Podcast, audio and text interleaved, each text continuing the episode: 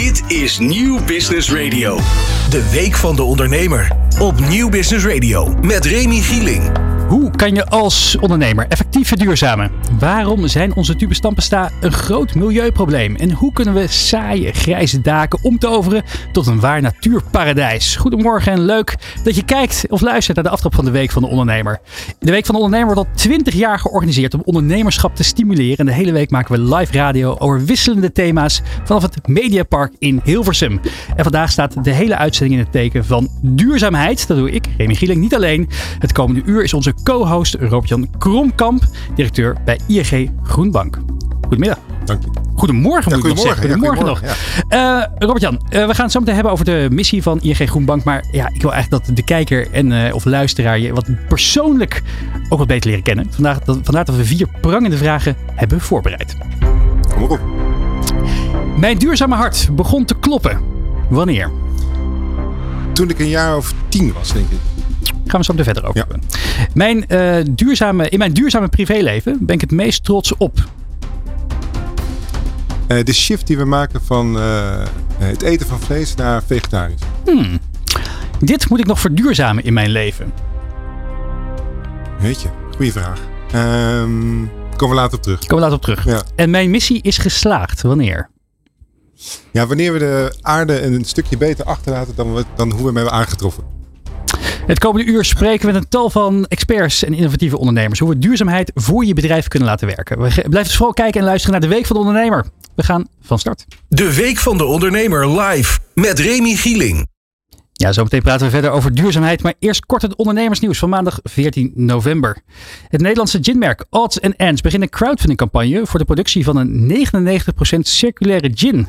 De 99 gin bestaat volledig uit reststromen van appels, gember, citroen en een kruidenpalet. En om de eerste productie van grondstof tot fles te kunnen financieren is er 20.000 euro nodig. Met al 156 supporters is de fles die deze gin kochten is al meer dan de helft van dit bedrag opgehaald. En de actie loopt tot 10 december dit jaar. TNO-voorzitter Chark Chin Achoy bekritiseert de, eh, de motivatie van jonge generatie ondernemers. Tegen het FD vertelt de kerstverse topman: Je ziet nu aan een generatie die snel geld wil verdienen en dan weer stopt. Wat we in Nederland nodig hebben zijn ondernemers die gedurende een langere periode werken aan succes. Dat mag in studies en de politiek meer waardering krijgen. Zelf wil Chin Achoy eh, van een olietanker TNO weer een speedboot maken. Het zijn voornamelijk vrouwen die de klimaatrekening van de rijkste 1% betalen. Zo staat een recent onderzoek van vrouwenrechtenorganisatie ActionAid. 75% van de vrouwen in de ontwikkelingslanden heeft geen economisch vangnet om te kunnen reageren op klimaatrampen. Van de groep 1,3 miljard armsten op de wereld is 70% vrouw. En ActionAid pleit dan ook dat meer vrouwen aan de beslissingstafel komen om effectief en inclusief klimaatbeleid te realiseren. En werkgevers willen personeel terug naar kantoor in tijden van crisis. Dat stelt LinkedIn naar eigen onderzoek. Onder openstaande vacatures en 100 Nederlandse topbestuurders. 70% van de ondervraagden gaf aan binnenkort in te grijpen in de riante arbeidsvoorwaarden of dit al te hebben gedaan. Met name thuiswerken en meer, met meer flexibiliteit dreigen te verdwijnen. En ook de vergoeding voor persoonlijke ontwikkeling en welzijn dreigen snel afgebouwd te worden. De Week van de Ondernemer. Op Nieuw Business Radio. Ja, we praten verder met eh, Robert-Jan Komkamp, directeur bij ING Groenbank. Robert-Jan, leuk dat je dit uur onze co-host bent. Ja, leuk om hier te zijn. Ja, weer, weer, eens, wat, weer eens wat anders. Ja. Kan je eens eh, uitleggen hoe jouw eh, gemiddelde werkweek eruit ziet? Wat, wat, eh, wat, wat, wat is het takenpakketje, wa- takenpakket en de KPI's, zoals we altijd zeggen, waar jij je druk om maakt? Nou ja, kijk, de Groenbank is een, is een bank hè, met, een, met, een, met een bankvergunning. En ehm, dus we hebben het hele spectrum van het binnenhalen van funding. Het is het geld van, eh, van particulieren die we, wat we gebruiken voor eh, groene leningen. eh, tot aan de uitzettingskant. Hè. Dus wij, als ik kijk naar het team van Groenbank, zijn we veel bezig om met de mensen van ING die in het veld rondlopen. Om die te helpen met gesprekken met, met ondernemers. Hè, om, te, om die te helpen verduurzamen. Dus ik denk als ik van, mijn, van de vijf dagen dat, ik, dat de werkweek telt, dan ben ik denk ik twee, drie dagen ben ik op kantoor. Dus nog niet de 70% zoals je net eh, aangaf in het, eh, in het, in het promofilmpje vanuit LinkedIn, dat onderzoek. Ehm, Want je mag even ietsjes dichter bij de, bij de microfoon Oh, gaan zitten. Altijd goed om, een, om, om dicht, dichter op te zitten. Ehm, wat even voor de mensen die het niet kennen. Iedereen kent denk ik ING wel. Dat, Ja, eh, dat, zal, dat, mag, dat, dat mag aangenomen worden. Een van de grootbanken van, van Nederland. ING Groenbank. Wa- wa- wanneer is het begonnen en wat, wat is de missie daarvan? Waarom is het opgericht? Nou, we zijn in 1996 zijn we opgericht. Dus we bestaan al heel lang. al meer dan 25 jaar. En we houden ons bezig met het verduurzamen van, van het MKB. dus, dat, dus eigenlijk alle duurzame leningen die ING in Nederland afsluit, gaan via de balans van de Groenbank. Um, ik kan me voorstellen dat het 25 jaar geleden er heel anders uitzag dan ja, vandaag de dag. Is, is echt wel veranderd. Je ziet, het, het 25 jaar geleden waren het vooral de grote corporates die, uh, die bezig waren. De grote, uh, de grote energiemaatschappijen. Met grote windparken en zonneparken die we toen hielpen.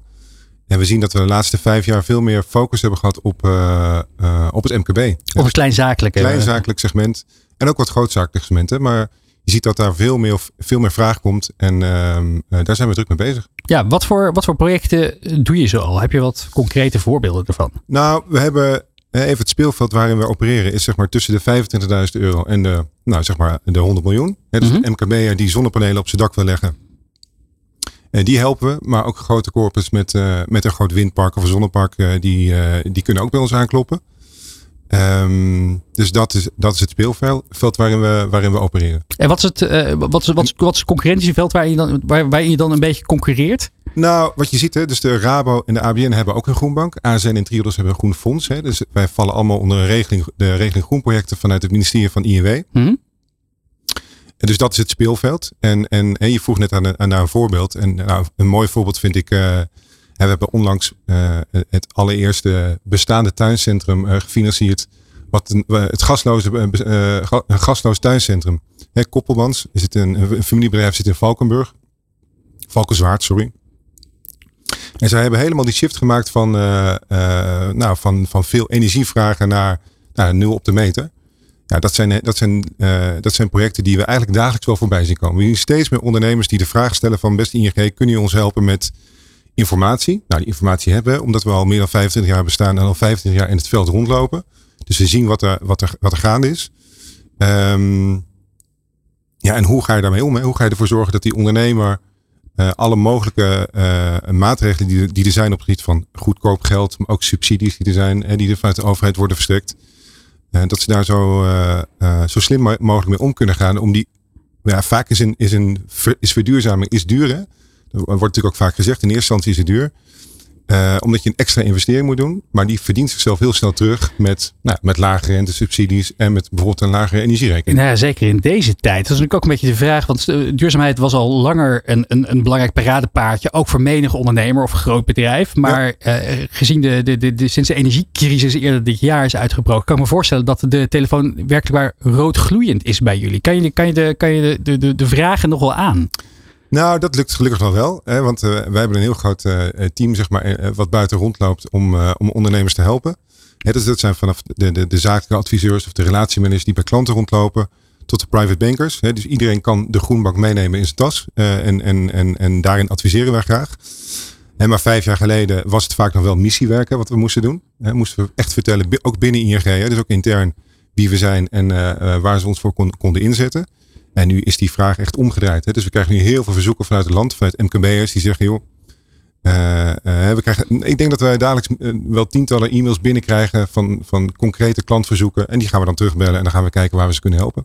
Tegelijkertijd zie je dan ondernemers die enorm last hebben van die gestegen gasprijzen. Nou is er een prachtig mooi voorbeeld van zo'n traditioneel uh, familiebedrijf in, uh, in, de, in, in, de, in de tuin, in de, uh, wat, in de tuincentrum, in de tuincentrum, ja. in de tuincentrumsector, ja. die al heeft besloten op tijd, denk ik in dit geval, van wij moeten zo snel mogelijk van dat, van het gas af. Ja. Um, zijn er wel voldoende middelen beschikbaar om dit te kunnen uitvoeren? Want je hoort ook heel vaak dat er grote tekorten zijn aan niet alleen technisch talent, maar ook aan, uh, aan, aan, aan middelen, de, de, de voorraden die, die, uh, die niet goed aansluiten op de vraag. Wat, ja. wat zie je daarin gebeuren? Nou, je hebt, wat je ziet is dat uh, inderdaad, hè, dus de, er is een tekort aan, aan personeel, er is een tekort aan, aan, uh, aan middelen. Maar uiteindelijk zie je toch wel dat er, dat er behoorlijk gas wordt gegeven. Dat is natuurlijk een beetje een rare uitspraak in, in, in, in dit gremium. Maar dat er, dat er best wel dat, dat er heel veel wordt gedaan. en, en waar is de, ja, de, tekorten, de tekorten gaf net aan. Hè? En wat je bijvoorbeeld ook ziet is dat er tekorten op de aansluiting zijn op het net. Hè? Dus we zien heel veel ondernemers die heel graag willen verduurzamen, die graag ook hun energie willen terugleveren aan het net. Er is gewoon, er is gewoon een, een netcongestie, is een, natuurlijk een begrip wat, wat vaker langskomt. Ja, daar lopen we wel tegenaan. Dat zijn dingen die, die vervelend zijn. Hè? Als, je, als je pas weet dat je in 2025 op het net een aansluiting kan krijgen. Ja, kan je, dus kan je voor, de, voor de minder technische luisteraar kort vertellen wat dat inhoudt? Nou, er is het, het, het elektriciteitsnet heeft een bepaalde capaciteit. En er komt nu zoveel. Hè, je, ziet, je ziet nu zoveel ondernemers en zoveel uh, particulieren die zonnepanelen hebben. En, dat, dat, en op het moment dat die terug gaan leveren, op het moment dat die meer opleveren dan dat ze, dan dat ze verbruiken, dan moet dat terug het net op. En dat moet door, nou ja, om het maar simpel te zeggen, door, de, door dezelfde kabel. Ja, en soms kan die kabel kan, kan, kan, kan uh, ja. ja. Dus daar moet wel heel veel, heel veel nog gebeuren. Wat, uh, wat, wat moet er? Wat kunnen we daaraan doen? Kunnen we, kunnen we als ondernemers daar iets aan betekenen? Of zijn we dan echt uh, aangeleverd aan de grillen van de overheid of de energiemaatschappijen? Ja, uh, ja, deels kan je natuurlijk wel doen op, op het gebied van uh, bijvoorbeeld van accu's. Hè, dus dat je, dat je datgene wat je oplevert uh, of dat je Opslaat. opwekt, dat je dat opslaat. en dat je dat dan later gebruikt op het moment dat er minder capaciteit is. Dus dat kan. Maar veel is toch wel uh, dat je van de netbeheerders moet, uh, ruimte moet kunnen krijgen op, op het net om te kunnen terugleveren. Nou werd er jaren geleden ook al een keer gesproken over het feit dat je misschien alle elektrische auto's als een soort van uh, tijdelijke ja, accu zou kunnen gebruiken. Zijn daar, zijn. zijn daar al ontwikkelingen gaande? Ja, die ontwikkelingen zijn er, maar die zijn nog niet zo groot. Maar dat, je het, dat je nu breed kan inzetten. Want ik heb ook eens gedacht, mijn, ik zou eigenlijk een thuisbatterij moeten hebben voor te veel wat ik oplaad. Mm -hmm. Maar aan de andere kant, als mijn, mijn elektrische auto thuis staat niks te doen en ik zit thuis te werken ja, er zit een hele grote een batterij in. Waarom gebruik je die niet als, uh, als tijdelijke accu? Als tijdelijke accu? Dat kan wel, uh, maar je moet dan wel weer een paal hebben die dat kan terugleveren. En uh, nou goed, daar, daar moeten wat technische, wat technische details aan. Het gaat er wel komen. Als je ja, MKB is natuurlijk heel erg breed. Maar als je kijkt naar de ontwikkelingen die gaan zijn qua uh, duurzaamheid, innovatie. Um, waar moeten we aan denken? Ik, ik, ik zie inderdaad gelijk die zonnepanelen ja. vormen onder meer. Uh, er zijn innovaties rondom waterstof gaande. Wat zijn een beetje de grote trends die jij nu gaande ziet? En zit daar ook een verschuiving in? Nou, je ziet een hele grote trend hè, dat, dat in ieder geval dat zonnepanelen steeds meer gemeengoed gaan worden. Uh, want het, uh, het levert je, direct levert je geld op. Ja. Um, en dat is natuurlijk vaak toch wel een van de drivers voor MKB-bedrijven. Dus dat, dat het geld oplevert omdat je energierekening gewoon te hoog is. Ja. Um, waterstof begint nu te komen. Er zijn overal er zijn nu proefprojecten aan de gang waarbij woonwijken worden aangesloten op, wa op waterstof. Dus dat is een mooie, mooie trend die gaande is. Uh, duurzame gebouwen, dat neemt enorm toe. Hè. Dus als je kijkt naar het bouwbesluit en je, je wil een, een, een bedrijfspand neerzetten dan is volgens het bouwbesluit, hè, dus volgens de, de richtlijnen, is dat al een heel duurzaam gebouw. Maar als je nog wat extra doet, dan uh, ga je uiteindelijk ga je energie ga je op, uh, ga je opwekken. En dat is natuurlijk waar je naartoe wil. Ja. Hè, want al die gebouwen kunnen met gemak kunnen energie opwekken als je, als je een beetje vloer, vloeroppervlakte hebt. Um, en dus ook dakoppervlakte. Um, en daar zie je dat de, de trend is dat mensen toch nu op de hoogte raken van het feit dat als je wat extra doet, wat extra isolatie doet, wat extra nou, een warmtepomp uh, neemt in plaats van gewoon regulier, dat, je, uh, nou, dat, die, dat, die, dat die panden dat die, uh, energie gaan opwekken. En dat is natuurlijk heel interessant. Verbaas je het ook wel eens, want je bent natuurlijk al langer in deze sector actief, maar verbaas je het wel eens dat, dat zoveel mensen nu pas wakker lijken te worden. dat, van, het, van het duurzame evangelie. Dat het blijkbaar dus toch weer een crisis nodig is om echt heel erg gas hierop te geven? Of is het toch een beetje ondernemers eigen? Nou, eigenlijk twee. Hè. Je hebt natuurlijk tijdens COVID uh, begon het al te komen. Als ik, als ik even terug ga. Als ik bijvoorbeeld kijk, vijf jaar geleden begon ik bij de Groenbank. Uh, en als je dan bijvoorbeeld het FD las, dan had je misschien één keer in de twee weken was er een artikeltje over, over duurzaamheid. En nu is het elke dag al. En nu zie je elke dag zie je, zie je dat er artikelen komen over duurzaamheid. Dus het, komt, het wordt steeds meer gemeengoed. Uh, we hebben natuurlijk warme zomers, watertekorten. Dus het begint steeds meer te leven op dat vlak. Ja, en ondernemers gaan erin mee. Dus dat zijn wel dingen die. Uh, uh, dat is de trend die je nu wel ziet op, op, op dit vlak. Ja. Zo dadelijk in de Week van de Ondernemer. De verduurzaming van het Nederlands bedrijfsleven stagneert. Zo blijkt het onderzoek van ING. Maar eerst duurzaam tandenpoetsen. Hoe werkt dat? Onze volgende gast weet hier alles van. Dit is de Week van de Ondernemer. Ze noemen zichzelf de Tony Chocoloni van de mondverzorging. Want duurzame alternatieven voor tandpasta, ja, die waren er amper te vinden. En de plasticberg die groeit met 20 miljard lege tubes per jaar. Hoe ze dat kunnen veranderen. Daarvoor is aangeschoven in de studio ondernemer Almar Fernhout, medeoprichter van Smile. Welkom. Goedemorgen. Hallo. Almar, uh, Smile, wie het niet kent. Ja, Smile is uh, tandenpoetsen zonder plastic. Het is uh, tandpasta waar alle shit uit is gehaald. Dus er zit geen microplastics in, geen andere ellende.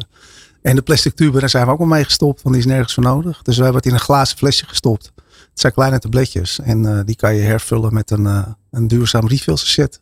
Ja, wat uh, even, even, ik, ik schrok er wel van. 20 miljard lege tandpasta tubes. Heb je, heb je een beetje een beeld van oh, als we hier op het Mediapark staan, hoe hoog die bergen zijn? Nou, het Mediapark is er niks bij. Ja. ja, het is gewoon heel veel. Kijk, en uh, mensen zeggen ja, het kan gerecycled worden. Uh, alleen het gebeurt niet. Zo'n tube moet helemaal uit elkaar. Het is een harde dop, een zachte tube. Er zit aluminium layer in, die moet eraf. Je moet het ontkleuren, het moet gewassen worden. En dan blijft er nog eens een keer in iedere plastic tandpasta tube 15, 20 procent tandpasta achter. Wat ook weggegooid wordt. Dus wil je het recyclen, moet dat er ook eerst weer uit. Ja, dat snap je zelf wel. Dat gaat natuurlijk niemand doen.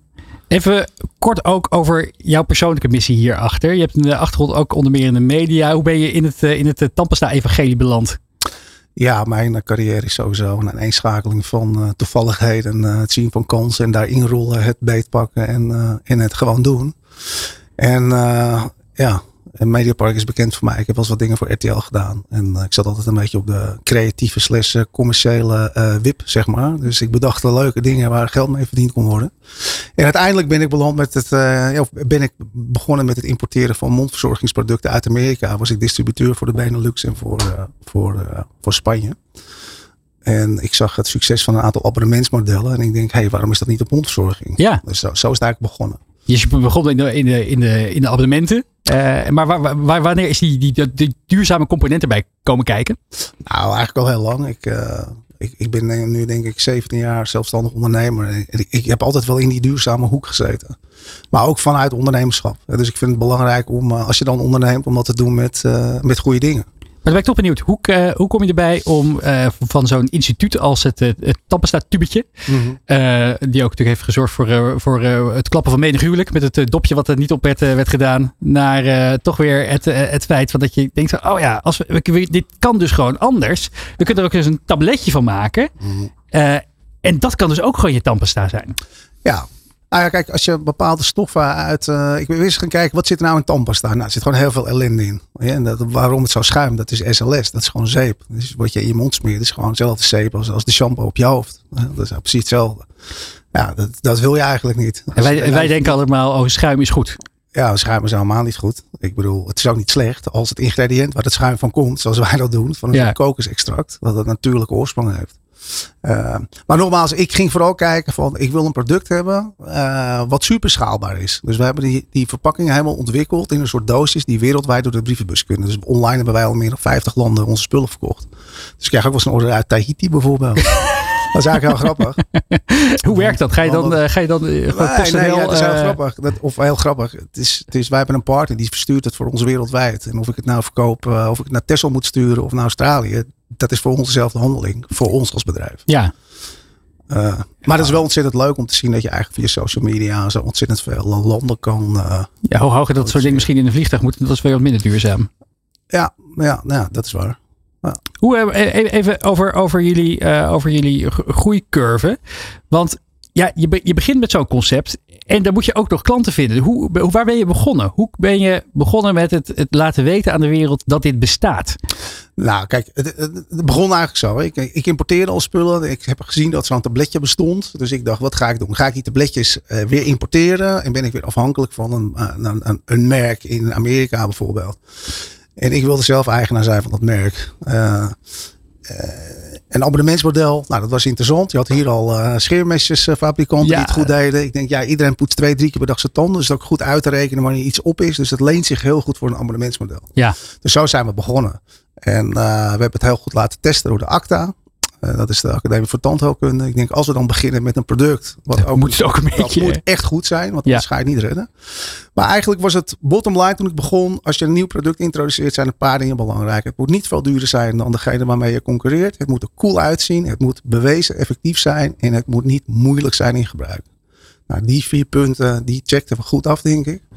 De verpakking was heel opvallend. En we zagen al heel snel heel veel tractie komen van mensen. Van, hey, dit ziet er goed uit. Dit is cool. Wat is dit? Dus, ja.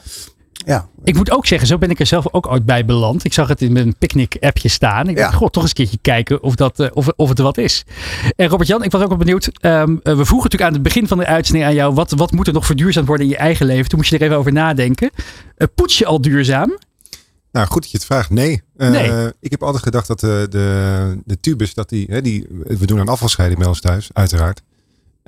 En dat dat, op, ja, dat dat in ieder geval uh, gescheiden zou worden en dat het weer hergebruikt zou kunnen worden. Maar niet wetende, hè, met jouw informatie, dat het dus helemaal niet het geval is. Dus nee. ik ga het zeker proberen. Nou, ik heb wat meegenomen, dus je kan zo meteen, meteen, meteen beginnen. Nee, dat is heel goed.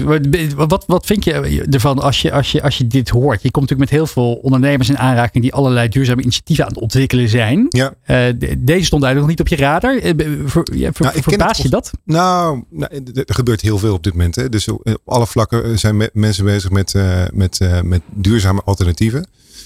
Ik had dit lang zien komen. Um, ja, ik vind het, ik vind het waanzinnig interessant. Um, ik heb wel een vraag voor je, als dat, als dat mag. Ik, Altijd. Waarom komen de Colgates en de Sensordines en dat soort, zeg maar de reguliere uh, merken komen niet met zo'n tabletje zoals jij die, uh, zoals jij die in de markt zet? Um, we hebben contact met een aantal partijen. Ja. Dat, uh, ja, dat we helder over zijn.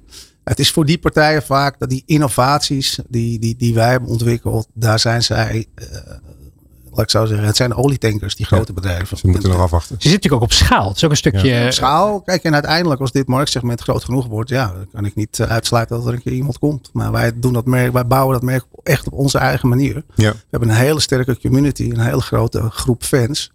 Dus als wij funding nodig hebben, zegt de bank vaak van, ja jongens, jullie zijn nog niet EBITDA positief. Jullie zijn nog net iets te vroeg. Wel Ja. heel veel mooie tractie en geweldig, uh, al die winkels waar jullie liggen. Maar, nou ja, en je moet als bedrijf gewoon snel groeien. Zeker met een product als wat wij hebben. Want je hebt, je hebt wel wat haast in de markt.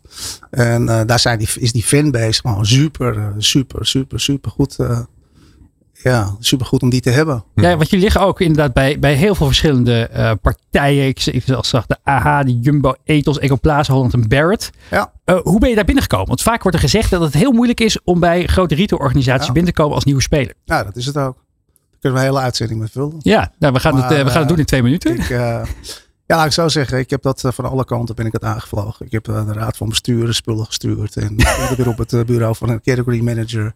Ik heb onze customer support afdeling heb ik laten verzamelen van de mensen die in Facebook en Instagram zeiden van hartstikke leuk. Maar waarom ligt het niet bij de Appie of bij de A?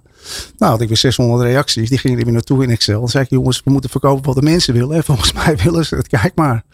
Nou ja, echt op die manier. Gewoon keihard doorzagen. En niet het, het twee keer bellen. Het werkt niet, laat maar zitten. Nee, dan begint het feest pas. Ja, als echt een soort zakelijk stalker ging je achter de, achter de ja. juiste mensen aan.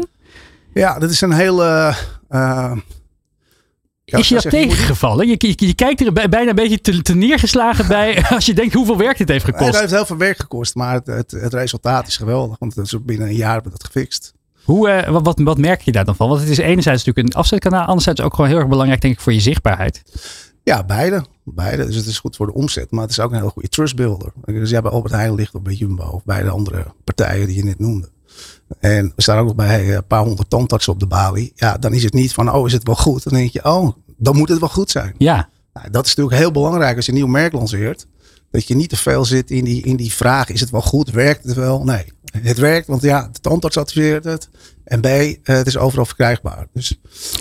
Ik denk dat eh, iedereen uh, zal zijn best doen om een klein steentje bij te dragen. In, in welke mate dan ook aan een soort duurzamere wereld. En niemand zal graag willen bijdragen aan die grotere uh, pl uh, plastic berg en de, en de microplastics in, de, in, de, in het milieu. Wat, maar wat zijn dan de redenen waarom mensen nog niet voor Smile kiezen? Sommige mensen die zeggen, ja, ik heb het wel gezien, maar ja, hoe, hoe werkt dat dan? Nou, dat is heel ja, simpel. Je doet dat tabletje in je mond, je koudt twee keer en je poetst. Je hebt niet eens water nodig. Dus het is super simpel. Alleen Ja. je ziet toch dat als mensen aan iets twijfelen, ze het niet doen. Eh, We hadden bijvoorbeeld net een heel grote dental expo, dan een grote stand gehuurd. En eh, mega veel eh, enthousiaste reacties. En heel veel tandartsen die, ja, die met ons willen, willen werken. Dus dat is geweldig natuurlijk. Maar die zeiden zelf ook van, ja, de klant, die, die, de consument eigenlijk verder dan de tandarts als het gaat om nieuwe dingen. Dus die, ja, er ligt een patiënt in de stoel. Zegt, ja, die tabletjes, die tabletjes. Dus die tandarts zegt, ik vind het zo leuk dat ik jullie nu het echt zie. Dus zeg maar, heel veel mensen die twijfelen daar nog aan. Omdat ze, uh, ja, ook twijfelen, is het wel goed? Werkt het wel? Nou ja, wij kunnen zeggen dat het minimaal net zo goed is als de tandpasta die je nu gebruikt. Ja, je noemt het ook uh, jezelf de Tony Chocolonely van de mondverzorging. Tony is natuurlijk in ja, heel veel jaren tijd met heel hard werken ook een zeer gevestigde naam geworden Ja. in binnen- en buitenland. Als het gaat over eh, eh, duurzame chocolade. Die werkt aan een eh, inclusieve, duurzame, du- meer duurzame wereld. Wat, wat is jullie ambitie daarin? Wat, heb, je, heb je voor jezelf een soort stip op de horizon gezet van, nou ja, we staan nu hier en ik wil graag daar naartoe? Nou, we willen gewoon een mooi bedrijf bouwen en veel impact maken. Dat is wat we willen doen. We willen die, Maar dat is wel heel breed. ja, dat is ook heel breed. Ja, we gaan zien wat er op ons pad komt. Ja, maar je, je, je hebt toch een soort eh, eh, doel waar je naartoe zou willen. Je moet toch een beetje weten eh, eh, waar je je team op moet aansturen om Zeker. naartoe te gaan. Zeker. We zijn nu wel bij- heel druk bezig om te kijken wat, wat we internationaal kunnen doen. We hebben nu wat eerste deals gemaakt met de Duitse en Oostenrijkse supermarkten. Mhm. Eh, dus dat zie je gebeuren. Mijn persoonlijke droom zou zijn om, eh, om in Amerika een eh, deuk eh, te kunnen slaan. Dat lijkt me geweldig. En ik denk dat het merk Smile ook uitstekend voor geschikt is. Dus daar gaan we wat eh, testen eh, mee doen. Dus eigenlijk weer Dat is mijn persoonlijke ambitie. Ik eh, vind Amerika sowieso een geweldig land. Eh, ook mindere dingen natuurlijk, maar ik ben er vaak geweest. En eh, mij trekt die, eh, die drive daar gigantisch. En dat is eigenlijk ook de cirkel weer rond natuurlijk. Van het feit dat je ooit de producten daar vandaan importeert, dan kan je ze uiteindelijk gaan exporteren. Ja, maar ja, misschien moet je daar ook wel gaan produceren. Want als je de hele tijd alleen maar tabletten heen en weer gooit in het vliegtuig. Dan is het minder duurzaam. Ja, precies. Ja, Dus daar moet je ook altijd goed naar kijken. dus Walmart, is dat, is dat zeker. stip op Ja, de horizon? Ja, Als in alle zeker. Walmarts te, te vinden zou zijn. Ja, lijkt me geweldig. Is het, eh, is het met die komst van online platformen als Amazon.com, hè, waar je ook gewoon je eigen producten op kan zetten, is het ook niet makkelijker geworden om daar eh, de markt op te gaan? Of zie, of zie, of zie ik dat simpel? Kijk, erop komen, dat is eh, sowieso nog een kunst. Er spelen allerlei dingen. We hadden zo van Duitsland een dingetje. Dat weer met de belasting te maken, et cetera, et cetera. Nou, een hoop bureaucratisch geneuzel natuurlijk. Maar het is natuurlijk wel, wel een, prachtige, een prachtige outlet voor je, voor je merk. Ja. Want heel veel mensen, zeker in Amerika, ook in Duitsland, die doen heel veel aankopen via Amazon. Dat is absoluut waar. Maar nog even terug te komen op Tony Chocoloni stuk. Uh, Kijk, wij, wij willen een bedrijf zijn wat impact maakt. Maar die Tony Chocoloni heeft natuurlijk qua verpakkingen de boel ook heel goed opgeschud. Dat is gewoon een, een discolamp in het chocoladeschap. Je zag normaal een uh, cacaoboon en een, uh, en, en, ja, groene, een paar hazelnoten en wat rozijnen. En dan was het wel. Maar ja, Tony Chocoloni kwam in één met karamel zeezout. In vijf jaar tijd de beste, uh, de best verkochte chocoladesmaak van Tony geworden. Nou, bij ons kan je straks ook allerlei aparte smaken verwachten. Want die tandpasta alleen pepermunt, ja, uh, dat is leuk. Dat kennen we wel. Dat kennen we wel. Ja, en de consumenten zijn tegenwoordig ontzettend in om te experimenteren met smaken. En dat is geweldig. Jullie hebben ook een, uh, om, om die groei te financieren een aantal crowdfunding campagnes gedaan. Anderhalf miljoen, meen ik? We hebben een share fund campagne gedaan. Die is twee weken geleden gesloten. We hebben 1,2 miljoen opgehaald. Dat komt vooral uit onze eigen fanbase. Ja, waren, waren ontzettend veel fans die daar een bijdrage aan hebben gedaan. 1441 om precies te zijn. Zo. Ja, uh, Robert-Jan, hoe, kijk jij, uh, hoe, hoe kijk jij hiernaar vanuit jouw uh, zowel duurzame achtergrond als, als kennis en kunde over financiering? Ja, kijk, zie, vaak zie je bij dit soort bedrijven inderdaad dat je het eerst moet bewijzen voordat de bank uh, met je meegaat. Nou, dat, uh, die ervaring heb jij. Um, en dan is juist crowdfunding is natuurlijk een hartstikke goed platform om, uh, om in ieder geval de eerste keer geld op te halen. En te kijken wat er gebeurt. Hè. Wat je nu zegt, waar je mee bezig bent, heb je, heb je snel op korte termijn opnieuw geld nodig. Want anders kan je niet gaan exporteren. Dus ik ben heel benieuwd wie daar, wie daar verder instapt. Maar ik heb wel een vraag. Wat kan jij, want je bent heel erg bezig met, met sales, maar uh, kan je ook zeg maar uh, kwantificeren wat jouw tabletten doen ten opzichte van een tube tandpasta? Dus kan je bijvoorbeeld zeggen, nou als iemand een jaar lang mijn tabletten gebruikt, is het zoveel minder plastic wat wordt uit. Ja, kijk, zo'n zo flesje wat je bij ons kan kopen in, in de supermarkt, dat is net zo groot als een tube tandpasta. Daar doe je net zo lang mee. Met een tube tandpasta poets je ongeveer 65 keer. Mm -hmm. Wij hebben 65 tabletjes in het flesje gestopt om dat comparable te maken met ja. hetgeen je ook koopt. Dus per persoon, als je uh, twee keer per dag poetst en je doet een maand met zo'n flesje, uh, bespaar je dus 12 tubes per jaar. Nou, heb je vier mensen in je gezin, dus dat is 4 keer 12. En het glas gaat, gaat, het glas gaat in de glasbak? In dat flesje, dat kan jij wel, wel, wel, wel tien jaar gebruiken als je hem niet stuk maakt. Want je vult je tabletjes na met een, met een papieren sachetje. Ah, okay. Daar zitten ze in en dan giet je ze, zitten zo ze gewoon los in. doorpoetsen. Ja, ja. Dus het is ook nog wel een hele leuke handeling, want dat trek je de mensen ook nog een keer bij je, bij je merk, zeg maar. Dus uh, zo, zo werkt dat. En dat is, dat is op, dit, op dit moment gewoon de beste manier om, uh, om, uh, om je spullen te verpakken. Hoe uh, ga je, denk je, inderdaad de, groei in de toekomst uh, financieren? Denk je, dat, uh, denk je dat er nog meer crowdfunding campagnes in het verschiet liggen? Of zou je op een gegeven moment ook gaan aankloppen bij groenbanken of private investeerders? Ja, we praten met iedereen. Er komt heel veel op ons pad. En wij kijken altijd per case wat is interessant voor ons. en het moet ook interessant zijn voor de andere partijen uiteraard. Uh, we hebben ook wel eens aanbiedingen gekregen waar ik van dacht, ja, dat is natuurlijk leuk, 1 miljoen te krijgen. Maar ja, wat er gevraagd wordt, uh, dat, dat, daar zijn betere manieren voor voor ons. Nou, heeft natuurlijk ook een prachtig mooi merk, Ben Jerry's, al, al betrekkelijk vroeg in hun ondernemerschap besloten om te verkopen aan Unilever. De twee ja. oprichters hebben daar achteraf ook wel eens van laten weten, daar toch misschien een klein beetje spijt ja. van te hebben. wat denk jij, als, als Colgate aan de deur klopt? Dan ga ik graag met ze in gesprek. Ja? ja, absoluut. Ja, toch. Ja, uh, ja, maar ik vind wel, kijk, kijk zoals het is een vegetarische slager is ook een mooi voorbeeld. is verkocht aan Unilever. Uh, je kan natuurlijk door de schaal die zo'n groot bedrijf uh, je geeft, kan je ook heel veel impact maken. Ja. En uh, ik vind wel dat als je als oprichter, uh, dan heb je natuurlijk altijd een bepaalde stempel die je drukt op je, op je bedrijf, op je business, dat snap ik. Maar ik denk ook dat je moet beseffen dat als je het dus van, van zo'n groot, grote organisatie onderdeel wordt, uh, zal dat wel veranderen. Dat is gewoon zo. De sharefunding campagne is gesloten. Hoe kunnen wij als uh, ondernemer Nederland jou nog verder helpen in je missie? Nou, ik nodig altijd iedereen uit die zegt ik wil investeren in zo'n snel groeiend uh, bedrijf met zoveel tractie. Uh, helemaal van deze tijd als Smile. die kunnen altijd contact opnemen met mij. Ze kunnen altijd contact opnemen met ja. jou. Almar Fernhout van Smile, dankjewel voor je komst en heel veel succes met de wereld duurzamer maken met de tandpasta's. Graag gedaan, dankjewel. De Week van de Ondernemer. We praten verder. Nieuw Business Radio. We praten verder met Robert-Jan Kromkamp, directeur bij ING Groenbank.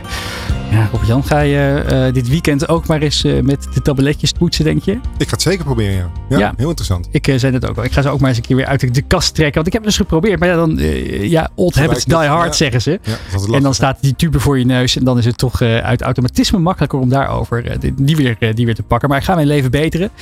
Um, ING heeft onlangs een onderzoek gedaan. waar het bleek dat de verduurzaming van het Nederlandse bedrijfsleven, die zou stagneren. Dat is, een, dat is geen goed teken. Nee. Nee, dat is zeker zo. Nee, we, hebben, we, we, hebben nu in maart voor de derde keer achter elkaar hebben wij, uh, doen wij een jaarlijks onderzoek onder mm -hmm. ondernemers, onder 250 ondernemers.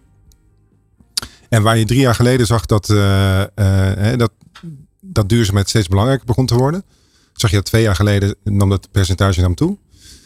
En in maart van dit jaar, tijdens het onderzoek, bleek dat de bedrijven die stellen investeringen in ieder geval deels uit door de onzekerheid in de markt. En dat is natuurlijk niet zo gek. Hè? We hebben natuurlijk de inval gehad in, in de Oekraïne. Um, uh, hoge grondstofprijzen, nou ja, noem alles maar op. Hè. Dus alle onzekerheden die er zijn, zorgt ervoor dat die, dat die verduurzaming dat die stagneert. Ja, mega-inflatie natuurlijk ja. ook die gaande is. Personeelsperikelen. Ondernemers hebben ontzettend veel op hun bordje. Ja. Um, maar het feit natuurlijk dat dat ten koste gaat van de duurzame ambities van Nederland, dat, dat, moet, uh, dat moet ons allen, maar zeker ook jou zorgen baren. Nou, dat, dat baart me zorgen, ja. Uh, aan de andere kant zie ik wel nog steeds heel veel bedrijven die wel wat doen. He, dus als je kijkt naar ongeveer 60% van de bedrijven is bezig met, uh, met duurzaamheid. Heeft het ook, uh, het is een onderdeel van een bedrijfsstrategie geworden. En ook deels in de beloningsstructuur is het, wordt het meegenomen. Ja. Het, is, het, is, het is steeds meer een, een, een, onderdeel van gesprek. Dat is, dat is goed. En ook gestegen, van de 52% drie jaar geleden nu naar 61%. Dus ja. er zit nog steeds Er zit nog steeds groei, hè, maar het stagneert een beetje. Ja. Dus we willen, natuurlijk we willen natuurlijk heel hard gaan. Maar nogmaals, als ik dat vergelijk met, uh, met vijf jaar geleden, is het, uh, gaat het al heel hard. Ja, die stagnatie vind ik heel logisch. Uh, zorgelijk. Mm, nou, ik, ik hoop hè, dat, dat, ehm, dat, in dat die oorlog in Oekraïne dat die snel voorbij is. Dat dat, dat, dat zorgt voor wat, wat, wat meer rust in, in de markt. En dat bedrijven inderdaad verder gaan met, met de, de ingeslagen weg. Een op de drie bedrijven die zeggen ook dat uh, ze uh, verduurzamingsactie op dit moment geen prioriteit, prioriteit hebben. Dat mm -hmm. komt onder meer, uh, het is onduidelijk hoeveel besparing de investering oplevert. Het risico van een dergelijke investering wordt te groot geacht of er is geen budget op dit moment voor. Ja. en drie vind ik nog best wel een hoop. Hoe ja. kunnen we die drie, ja, die drie die hurdles, die drie uitdagingen ja, verminderen? Nou, ik denk dat het heel belangrijk is dat we vanuit allerlei hoeken dat we die, die gesprekken voeren met onze, onderne met, onder, met onze klanten, met ondernemers. Uh, omdat het vaak ook uh, onbekend maakt, onbemind. Hè, op het moment dat jij heel goed bent in het werk wat je doet. Um, en er komt in één keer een verduurzamingsagenda uh, komt op tafel. Ja, daar, daar weten heel veel ondernemers weten er niet veel van af. Zelfs anno 2022? Ik, ik ja, kan me het zelf zo moeilijk voorstellen. Nee, ja, toch wel. Als je gewoon bezig bent met, ik noem wat, je hebt een schoonmaakbedrijf. Ja. Je bent dagelijks bezig om je klanten te helpen met, uh, met goede dienstverlening. Ja, dan komt nog wat, uh, nog wat op je agenda. Ja, dan is dat, uh, ja, dan moet je daar, je moet je daarin verdiepen. Heb je daar de tijd wel voor? heb je daar de kennis wel voor? Er zijn heel veel mensen die wat roepen. En ik denk altijd bij mezelf, ja, die, dat soort ondernemers moeten, denk ik, juist bij uh, collega-ondernemers te raden gaan. Van jongens, hoe hebben jullie het nou gedaan? Ja, precies. Want juist die, die voorbeelden van andere bedrijven die hoe ze het hebben gedaan en wat ze daar voor profijt van hebben, precies, dat inspireert natuurlijk. Ja. Hoe proberen jullie daar een bijdrage aan te leveren? Door het een onderdeel te, zijn, te laten worden van, van de agenda die we bespreken met onze klanten. Dus op het moment dat je met een klant aan tafel zit, heb je het over investeringsstrategieën. Je hebt het over een, een, een horizon hè, van wat, waar ben je mee bezig. Maar nu eh, heb je en, en nu is duurzaamheid ook een, een gespreksonderwerp. Ja, en dan zie je toch wel dat er vaak ja, dat er verkeerde assumpties zijn over. Inderdaad, uh, het, is, het is allemaal heel duur. Ja. Het is allemaal heel gedoe. En, uh, risico. Maar, risico, ja. Maar wat je dan, als je dan gaat vertellen over dat het je energierekening naar beneden brengt. En dat personeel, hè, dat vind ik altijd een heel, heel belangrijk onderwerp. Is dat uh, als je tegenwoordig kijkt naar de millennials, die willen graag werken bij bedrijven die een duurzaamheidsagenda hebben. Die bezig zijn met duurzaamheid. In plaats van dat je bezig bent. Nou met alleen maar geld verdienen. Met alleen maar geld verdienen. Gewoon het platte geld verdienen. Ja. dus personeel vindt het belangrijk. maar ook de klanten. Dus je ziet ook gewoon dat klanten het steeds belangrijker vinden. Ik vind het verhaal van, van Koppelmans, wat ik net aanhaalde, dat vond ik, vind ik een mooi voorbeeld. Die hebben nu als tuincentrum hebben ze bijvoorbeeld een klimaatplein. Waarin ze ondernemers helpen. Um, met hoe ga je nou op een duurzame manier om, met, met je tuin om. Of, of uh, nou ja, allemaal dat soort aspecten. Dat je eigenlijk niet verwacht van een, van een tuincentrum. Maar zelfs daar gebeurt het. Hè? Dus niet alleen maar plantjes kopen of uh, kerstversiering. Maar echt gewoon die duurzame engel uh, gebruiken. En daar je klanten mee, nou, mee helpen. Is het ook vaak dat ondernemers niet weten wat alle mogelijkheden zijn? Want je hoort natuurlijk nu heel veel over bepaalde sectoren. Uh, glastuinbouw, bakkers, slagers. Die geraakt worden inderdaad door die, uh, door die, door die, door die energieprijzen. Tegelijkertijd zijn er ook een aantal voorbeelden uh, van ondernemers die al vroeg daarop hebben geanticipeerd. Door inderdaad heel erg te investeren in, in duurzame alternatieven voor, voor, voor, gas. En ja, je wil niet iedereen onder, over één kam scheren. Maar er is al best wel veel mogelijk, denk ik. Altijd. Ja, er is onwijs veel mogelijk.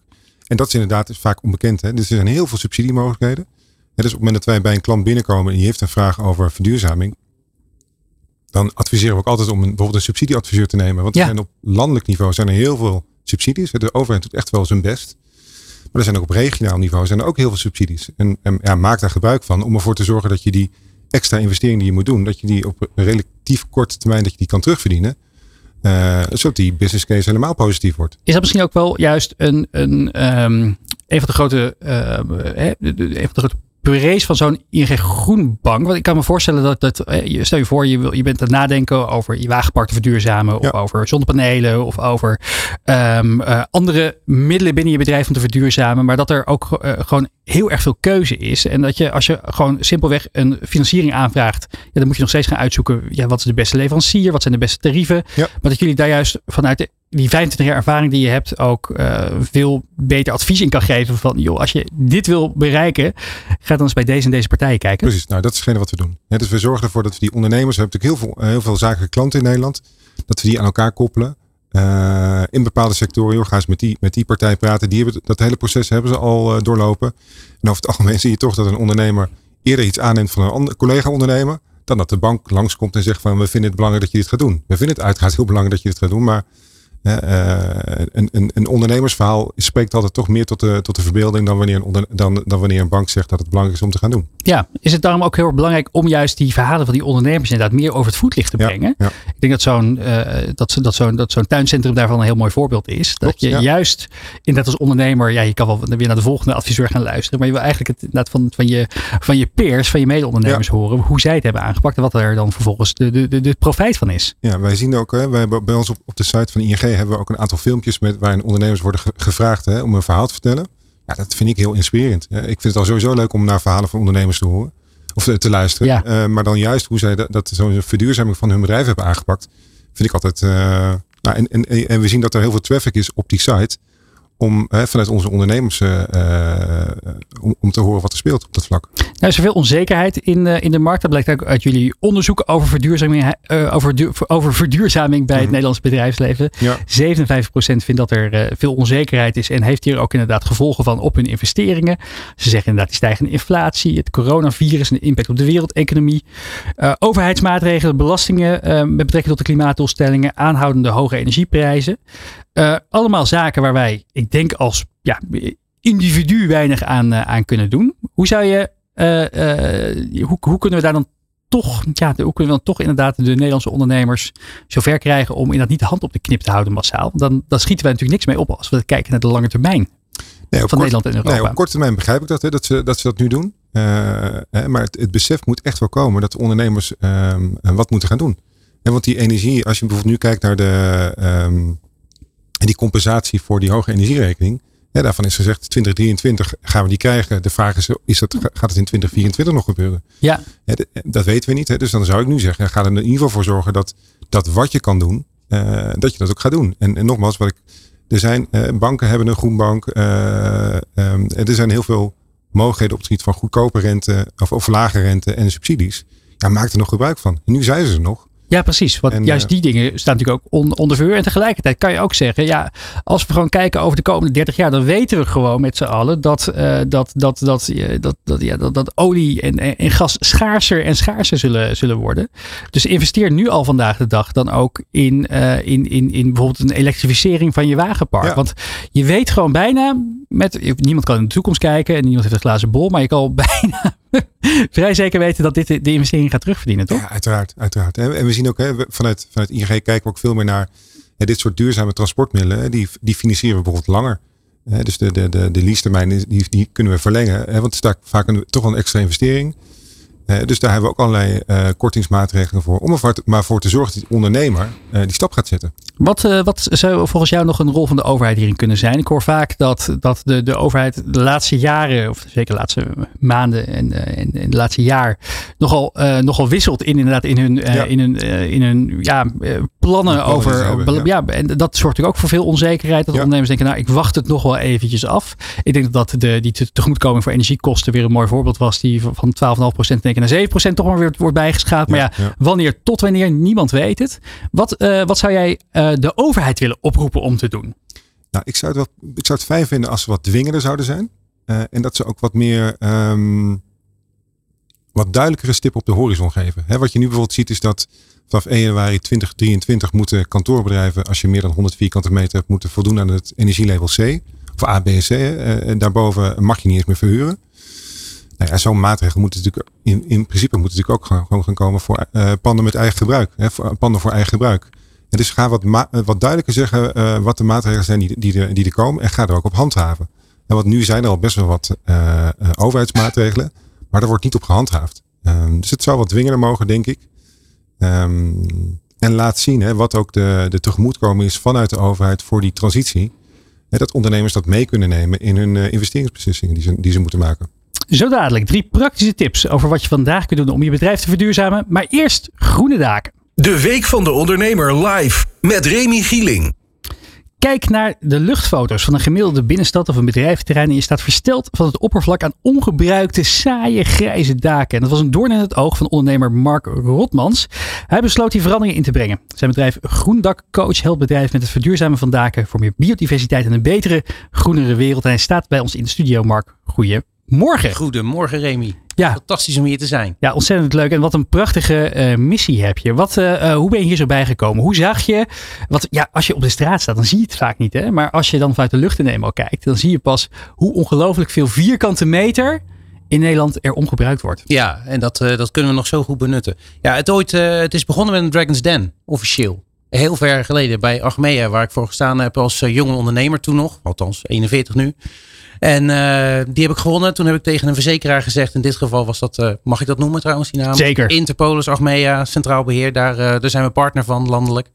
En bij hun kreeg ik de kans om de eerste keer vijf jaar geleden wat, wat daken te realiseren. Om daken te beschermen. En zo is het ontstaan. Maar hoe is, je, hoe, hoe, hoe is jij erbij gekomen? Hoe, is hoe, waar, waar komt deze frustratie vandaan? Nou, de frustratie is een hele grote passie voor groen. En eh, ook echt een, eh, een intrinsieke wens om iets bij te dragen aan een beter leefklimaat voor mens, dier en natuur. Maar hoe Daar zag je, ja, voor. precies, maar hoe zag je die daken voor me? Ik, eh, stond je op een kerktoren, keek je naar beneden over een binnenstad heen en zag je, jeetje, wat, wat, wat, wat zijn we hier aan het doen met Ja. z'n allen? Ja, dat hebben we meerdere keren gedaan, maar dat was niet echt de prikkel. De prikkel was echt gewoon door het, de eerste stappen te maken op mijn eigen schuur van 6 vierkante meter. Ik dacht van ja, dat zwarte waar ik over uitkijk vind ik vreselijk. Dat Ja? moet toch groen maken. En zo is het begonnen. Dus je- het schuurtje in je achtertuin. Het schuurtje in mijn achtertuin, 6 vierkante meter, heeft nu ervoor geoorzaakt dat we nu, ik denk, zo'n bijna 100.000 vierkante meter in Nederland vergroend hebben. Ja, klopt. Ongelooflijk, ongelooflijk. En ik kan me voorstellen, dat dan begin je daarmee. En dan eh, moet je een beetje experimenteren van wat groeit er wel, wat groeit er niet op van die daken. Klopt. Ja, nee, kijk, er zijn twee dingen zijn belangrijk. En dat geldt voor elk dak in heel Nederland. De draagkracht van de constructie en Mhm. de kwaliteit van de dakbedekking. Als die constructie niet sterk genoeg is, kan je er geen, droek- eh, geen groendak op aanbrengen.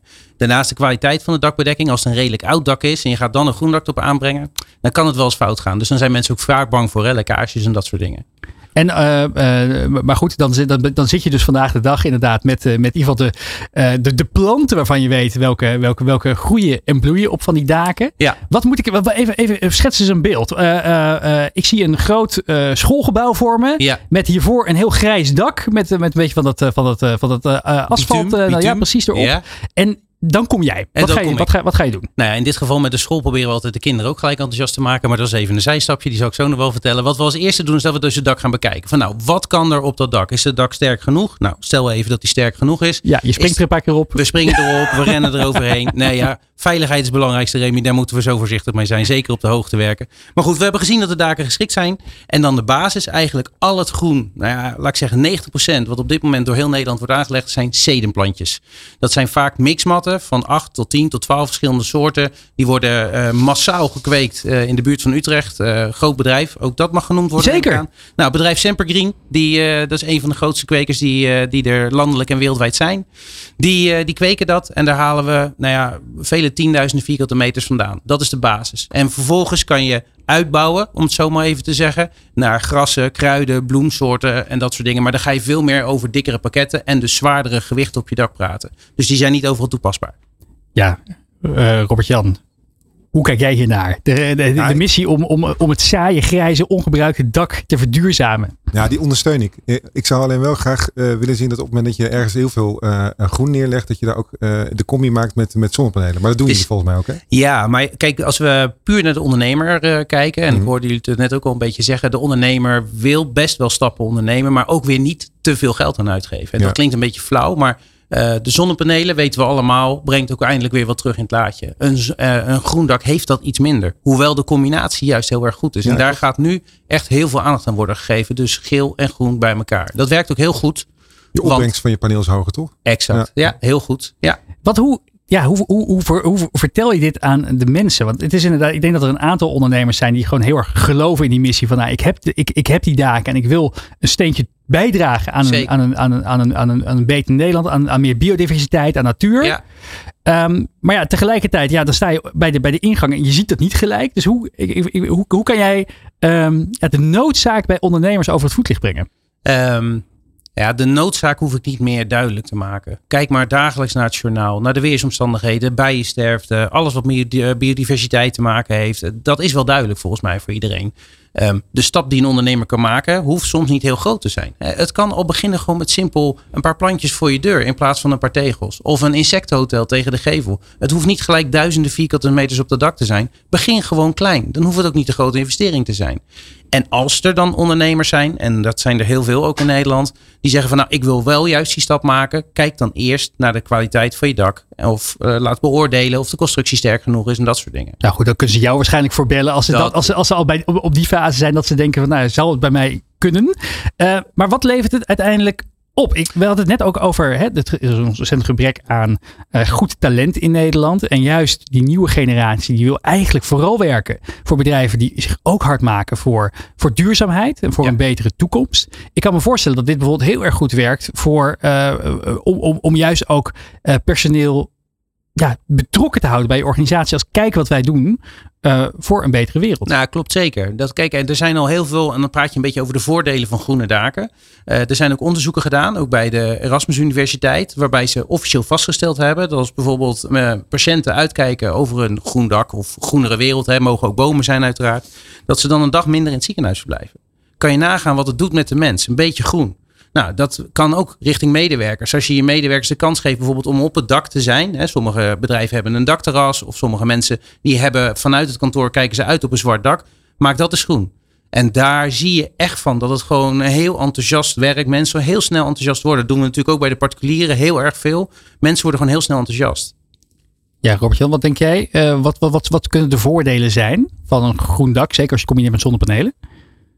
En, en zou je het kunnen financieren? Jazeker. Ja, de, de, de uh, groene daken zitten ook in de regeling groenprojecten. Dus de Mhm. groenbanken en de groenfondsen kunnen dat ook met een lagere rente kunnen ze het financieren, mocht het gefinancierd moeten worden.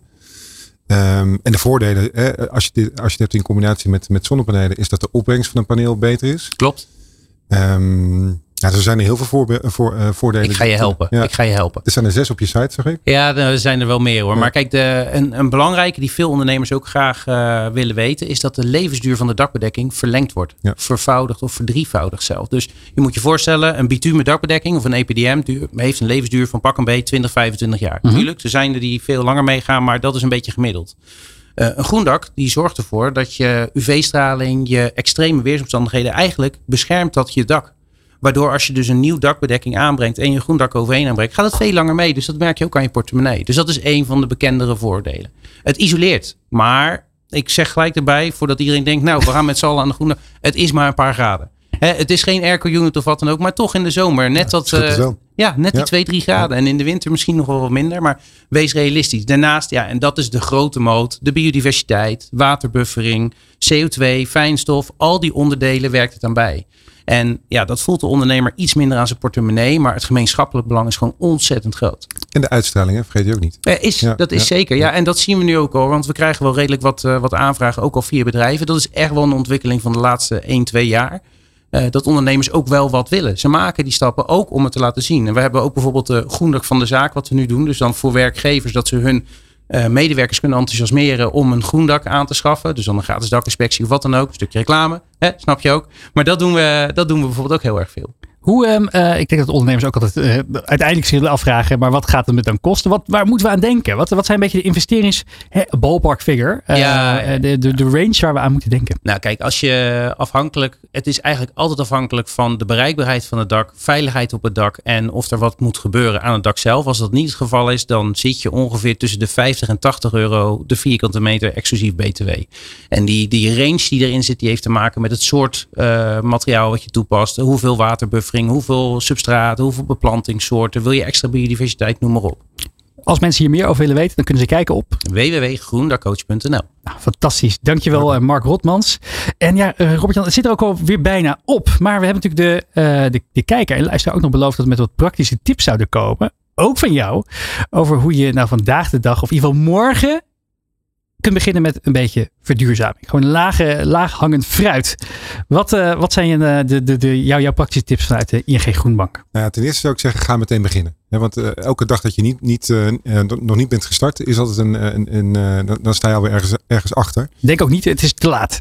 Het is, nee, zeker niet. Nee, dat zie je nu ook wel gebeuren. Dat mensen toch denken van, ja, maar die, Ik heb de boot gemist. Die zonnepanelen zijn toch niet meer te krijgen. Nou, die zijn er nog wel. Hoor. En, en de prijs is natuurlijk hartstikke, eh, het is behoorlijk hard ge- gedaald hè, de afgelopen Ja. paar jaar. Eh, is nu wat, eh, weer aan, wat, wat aan het stijgen. Maar goed, ik zou zeggen, ga meteen beginnen. En ga jezelf informeren eh, wat je zou kunnen gaan doen. Hè. We hebben bijvoorbeeld een, ehm, er is een hele mooie site, die heet klimaatplan.com. Dat is een onafhankelijke site. En die, die laten heel veel voorbeelden zien van bedrijven. Wat kan ik doen om bijvoorbeeld mijn CO2-uitstoot eh, eh, eh, naar beneden te brengen? Of wat, wat, wat stoot ik al uit? Hè? Wat zou ik moeten gaan doen? Dus klimaatplan.com staan heel veel eh, praktische tips op. eh, op allerlei eh, verschillende vlakken. Ga daar eens op kijken. Ehm, Of natuurlijk ING Groenbank. Even googlen. ja, kan ook. Dat, nee, kijk bij je bank. Hè. Dus de, de- de banken zijn ook druk bezig om, om klanten te helpen verduurzamen. Ja. En ga kijken naar een subsidieadviseur. Er zijn heel veel subsidies. Die, die werken op basis van no cure, no pay. Hè, dus het kost niks als er niks te halen valt. Ja. Krijg je wat, kan je toch wat subsidie, subsidie halen. Nou, dan moet je daar een deel van, van afdragen. Maar dat zijn vaak hele goede eh, tips, denk ik, om, eh, om mee te starten. Ja, dus begin, eh, begin vandaag. Laat Ja. je goed informeren en kijk naar de subsidiemogelijkheden. Robert eh, Jan Kromkamp van ING Groenbank. Het was een plezier- groot plezier om vandaag met jou deze uitzending te mogen maken. Ook, ook, ook Mark, ook fijn dat je kon vertellen over, over de groendagen. Ik hoop dat menig dak in Nederland over de komende vijf jaar groen zal worden. En jij als kijker, bedankt voor het kijken en luisteren. Het programma wordt tijdens de Week van de Ondernemer mede mogelijk gemaakt door onze partners ING, ACR, Visma en En morgen zijn we terug vanaf 11 uur van het Mediapark in Hilversum. Dan gaat het over personeelsprikkelen. Hoe vind je de juiste medewerkers, maar hoe houd je ze ook gelukkig en gezond? Dat bespreken we morgen. Voor nu een hele fijne middag. En kijk voor meer informatie op deondernemer.nl. De Week van de Ondernemer op Nieuw Business Radio.